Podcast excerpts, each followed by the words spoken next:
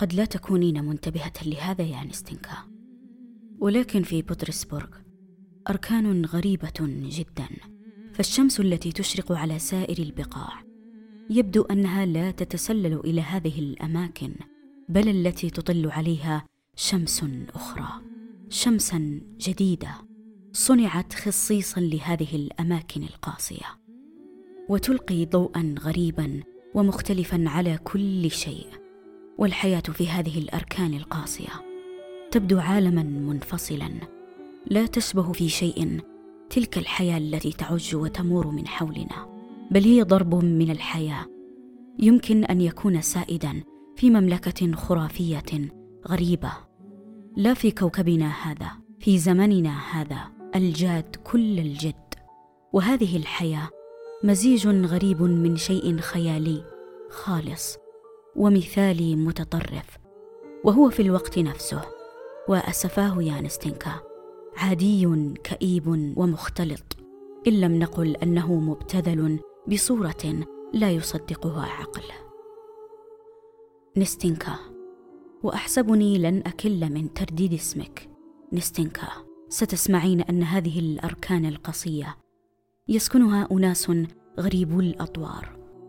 هم الحالمون. والحالم إن كان لابد لك أن تعرفي ما هو. التعريف الدقيق لهذه الكلمة. ليس شخصا حقيقيا بل هو مخلوق محايد.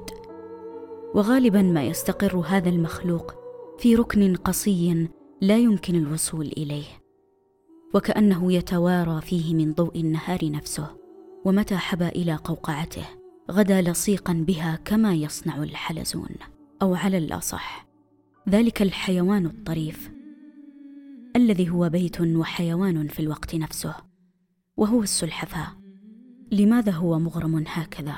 بجدرانه الأربعة ذات الطلاء الأخضر. جدرانه القذره الكئيبة التي سودها الدخان. لماذا تظنينه مغرما بها؟ إلى هذا الحد.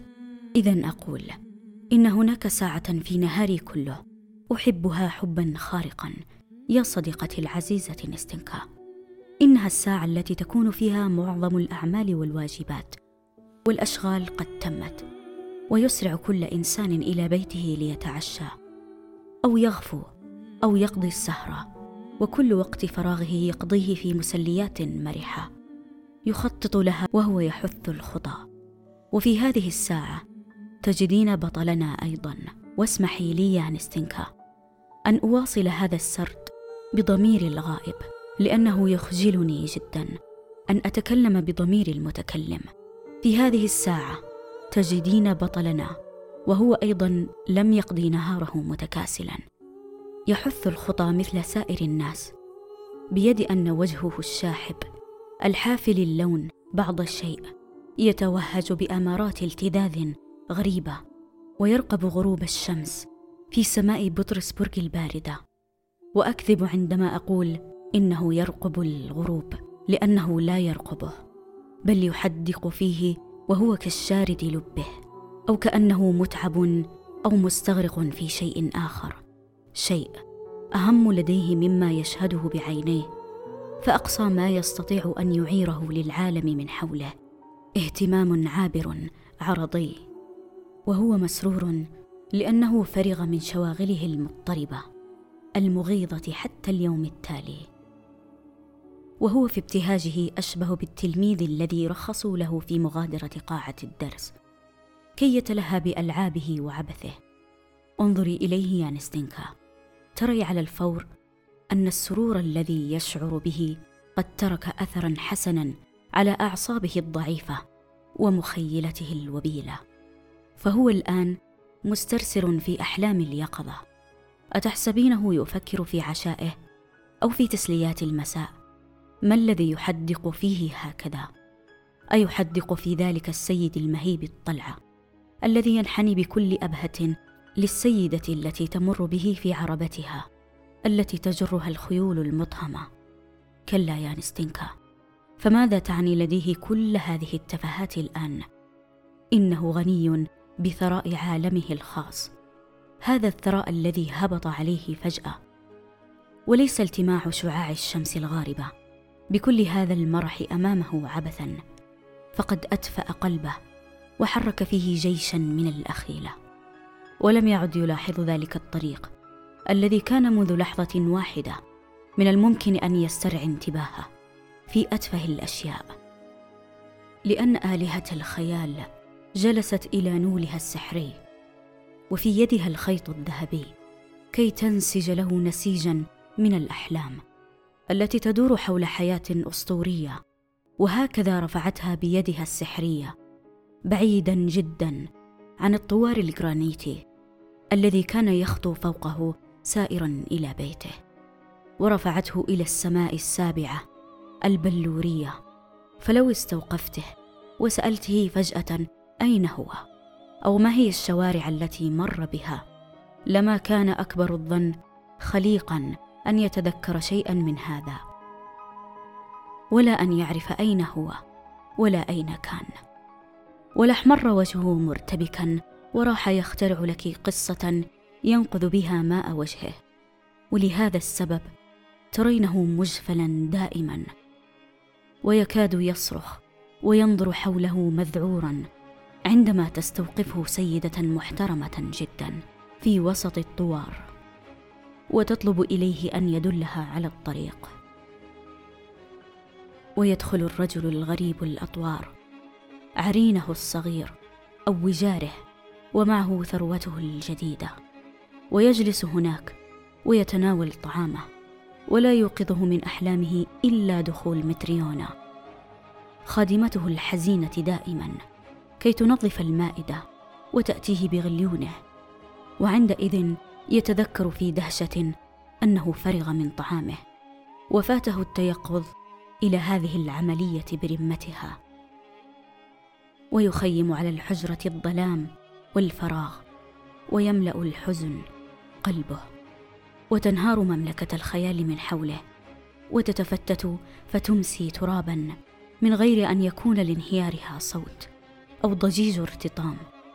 انقشعت كالحلم ولم يعد يتذكر بماذا كان يحلم. ولكن ها هو إحساس غامض يعتريه. ورغبة جديدة تجعل قلبه يخفق ويتوجع قليلا وتثير خياله وتغويه وتستدعي إلى خاطره شرذمة أخرى من الأشباح. ويسود الصمت الحجرة الصغيرة وتتلذذ مخيلته بالوحدة والتراخي وتأخذ في التراقص على شكل فقاعات صغيرة كتلك الفقاعات التي يغلي بها الماء في تنكة قهوة متريون العجوز وهي تتحرك في المطبخ الملاصق لحجرته منصرفة إلى صنع القهوة بكل اهتمامها ثم تتدفق أخيلته وتندلع كألسنة اللهب الصغيرة ويسقط من يد بطلنا الحالم ذلك الكتاب الذي كان قد تناوله حيثما اتفق ولم يقرأ فيه أكثر من صفحة أو صفحتين. لقد استيقظت مخيلته مرة أخرى وراحت تنشط من جديد صانعة له عالما جديدا فاتنا يتراءى أمام عقله بكل إمكاناته.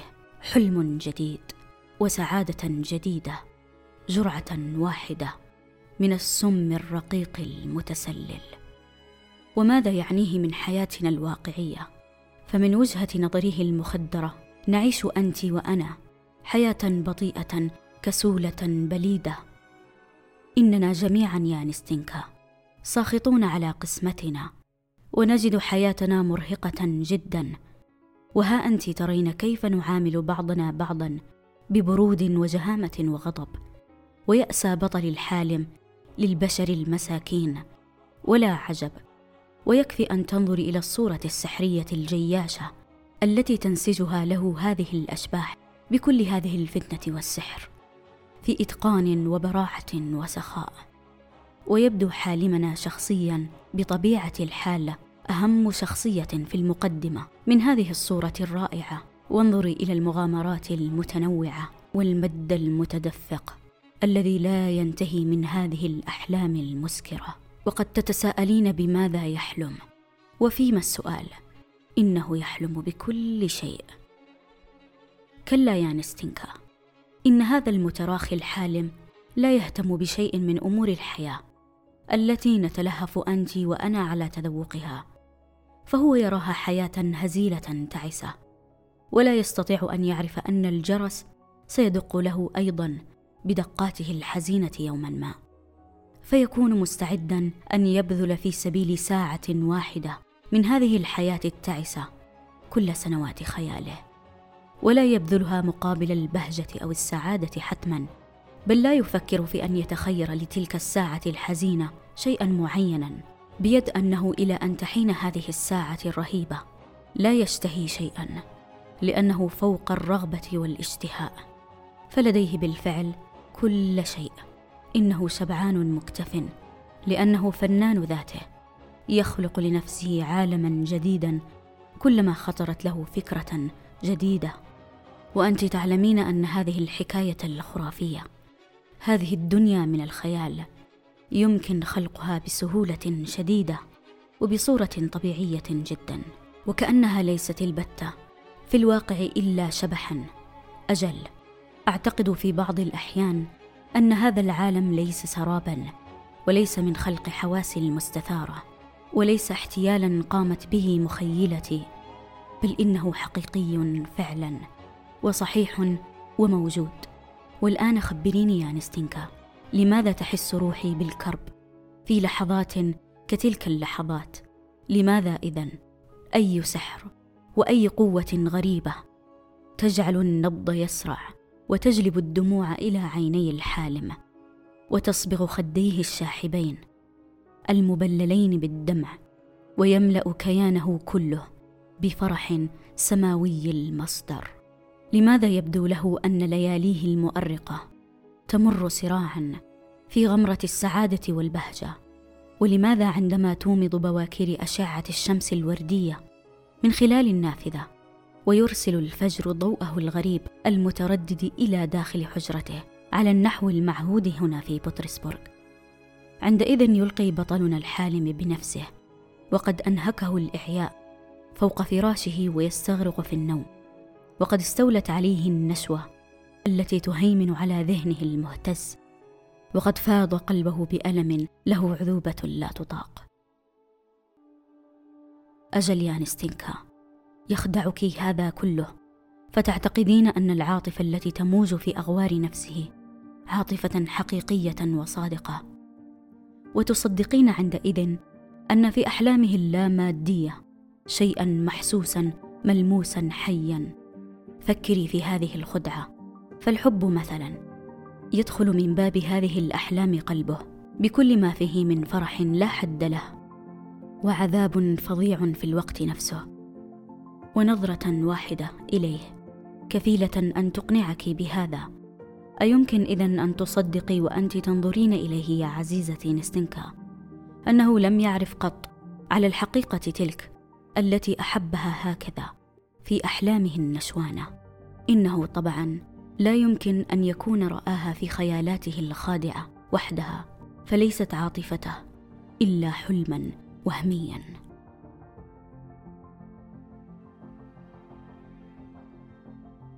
سكت بصورة درامية. بعد أن وصلت إلى ختام اقوالي الدرامية وأذكر جيدا كيف وجدت عناء في حمل نفسي على الضحك في تلك اللحظة وتوقفت أنفاسي في حلقي وأخذ ذقني يرتعش وازداد تخضل عيني بالدموع. وخشيت جدا أن أرى نستنكا التي كانت تصغي لي وعيناها الذكيتان مفتوحتان على سعتهما تنفجر ضاحكة ضحكتها التلقائية الطفولية وشعرت بالأسف لأنني ذهبت إلى هذا المدى البعيد فصرحت بكل ما كان يثقل قلبي منذ زمن طويل ولهذا كان في مقدوري أن أتفوه به وكأنه قطعة من المحفوظات فقد كان حكما أصدرته على نفسي واستهواني أن أتلوه عليها وإن كنت أعترف بأني لم أتوقع أن أجد لديها تفهما كاملا له ولكنها لدهشتي ظلت صامتة وبعد قليل ضغطت على يدي بلطف وسألتني بلهجة تنم على اهتمام متشح بالخجل.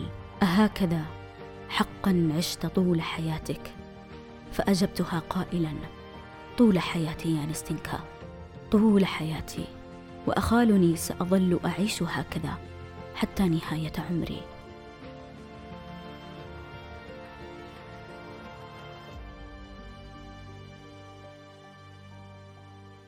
آه يا نستنكا. أتعلمين أنك أصلحت الآن بيني وبين نفسي لفترة طويلة قادمة. أتعلمين أنني لن أسيء الظن بنفسي بعد الآن كما كان من عادتي أن أسيء الظن بها. أتعلمين أنني قد لا أيأس بعد الآن لأني اقترفت جريمة وارتكبت إثما في حياتي لأن حياة كحياتي إنما هي جريمة وإثم. وأرجوك ألا تظنيني بالغت لك في شيء. بحق السماء لا تظني بي هكذا يا نستنكا. فأنا أحيانا أقع فريسة السوداوية السوداوية المطبقة. وعندما تستولي علي هذه النوبات أعتقد أنني عاجز عن استئناف حياة جديدة واقعية لأنه يخيل إلي عندئذ أني فقدت كل اتصال وإحساس بما هو واقع وما هو حادث فعلا. وكأنني بعت نفسي فليالي الأحلام والخيال هذه تعقبها لحظات صحو. وما أهول هذه اللحظات. ففيها أستطيع أن أسمع الحياة تصخب وتدوم من حولي في دوامة بشرية هائلة. وأسمع الناس وأراهم يعيشون حياتهم الواقعية وأتبين أن عالمهم لم يصنع حسب الطلب وأنه لن يتبدد. كما تتبدد الأحلام أو الرؤى وأن حياتهم ناضره دائما متجددة الشباب. وأن كل ساعة فيها تختلف عن سابقتها. أما الخيال المذعور فكئيب ورتيب متواتر الشبه إلى حد الإملال. فهو عبد لكل شبح ولكل خاطر عبدا لأول سحابة تحجب وجه الشمس وتعصر قلب كل إنسان حقيقي في بطرسبورغ. نكدا وكربا فالناس الحقيقيون يعتمدون كل الاعتماد على الشمس في بطرسبورغ وأي دور للخيال في النكد والكرب. إنك لتشعرين بالتوتر المستمر ينهك خيالك الجامح في النهاية ويضنيه ويعيه. لأنك تزحفين إلى النضوج وتكبرين على مثلك العليا السابقة فتتحطم هذه المثل وتتفتت حتى تغدو ترابا. وما لم يكن لك حياة أخرى تعيشينها. فانت مضطرة عندئذ لإعادة بناء حياتك. من ذلك الركام والحطام. بيد أن روحك تصرخ. مطالبة بشيء مختلف تصبو إليه وتتلهف عليه. وعبثا ينبش الحالم رماد أحلامه السابقة. على أمل أن يجد فيها على الأقل شرارة صغيرة متوارية بين الأنقاض. كي ينفخ فيها ويعيدها إلى الحياة. ليدفئ فؤاده المقرور بتلك النار التي بعثها من العدم ويعيد إليه كل ما كان أثيرا لديه من قبل وكل ما كان يحركه ويجعل دماءه تتقد ويدفع إلى مآقيها بالدموع. أتدرين إلى ما بلغ بي الأمر يا نستنكا؟ أتدرين أنني الآن أراعي الذكرى السنوية لعواطفي الماضية عواطفي التي كنت أكنها نحو أشياء لم تحدث قط بالفعل. لأن هذه الذكرى السنوية تحتم على أحلامي الحمقاء أن أحتفل بها. أحتفل بها لأن أحلامي الحمقاء نفسها لم يعد لها وجود فليس عندي ما أدعمها به. فعلى المرء أيضا أن يعيش أحلامه كما تعلمين. أتعلمين أنني الآن أحب أن أتذكر وأزور في تواريخ معينة. البقاع التي عرفت فيها السعادة يوما ما بطريقتي الخاصة. الغريبة. وأحب أن أربط ربطا متناغما بين حاضري وماضي الذي لن يعود وكثيرا ما أتجول جيئة وذهابا في دروب بطرسبورغ وأزقتها كالشبح فريسة للثبوط والكآبة والأسى على غير هدى وبغير هدف. يا لي من ذكرياتي وإني لأذكر مثلا أنني هنا منذ عام بالضبط ذرعت هذا الطوار جيئة وذهابا مكتئبا أسيان محزونا في مثل حالي الآن وأذكر أن أحلامي يومئذ كانت أسيفة حزينة. ولئن لم تكن أفضل من أحلامي الحالية إلا أنني لا أتمالك نفسي من الإحساس بأن الحياة كانت أيسر وأهدأ من تلك الأيام. ولا تعكرها الفكرة السوداء التي ترهقني الآن. ولم تكن تقض مضجعي آلام وخز الضمير الكالحة التي لا تدع لي لحظة سلام بالليل أو بالنهار. أيتساءل المرء أين ذهبت أحلامه؟ ويهز المرء رأسه ويقول ما أسرع مرور الأعوام؟ ويتساءل المرء مرة أخرى ماذا صنع بحياته؟ وأين وارى ودفن أفضل سنواتها؟ أعاش أم لم يعش؟ ويقول لنفسه انظر كم غدا العالم شديد البرودة. أعواما أخرى ستمر. تأتيك معها بمزيد من الوحدة الكئيبة والوحشة. ثم تأتي الشيخوخة المرتجفة. تتوكأ على عكاز. ولن يكون بعد هذا شيء سوى التعاسة والكآبة. وعالمك الشبحي سيخبو وتذوي أحلامك. وتتساقط كأوراق الشجر الصفراء الميتة. آه يا نستنكا أليس من المحزن أن يظل المرء وحيدا تمام الوحدة؟ وليس لديه شيء يأسى عليه لا شيء لديه اطلاقا. فايا كان ما أفقده فلن يكون ما أفقده شيئا ملموسا بل هو العدم هو الأحلام ولا شيء سواهما.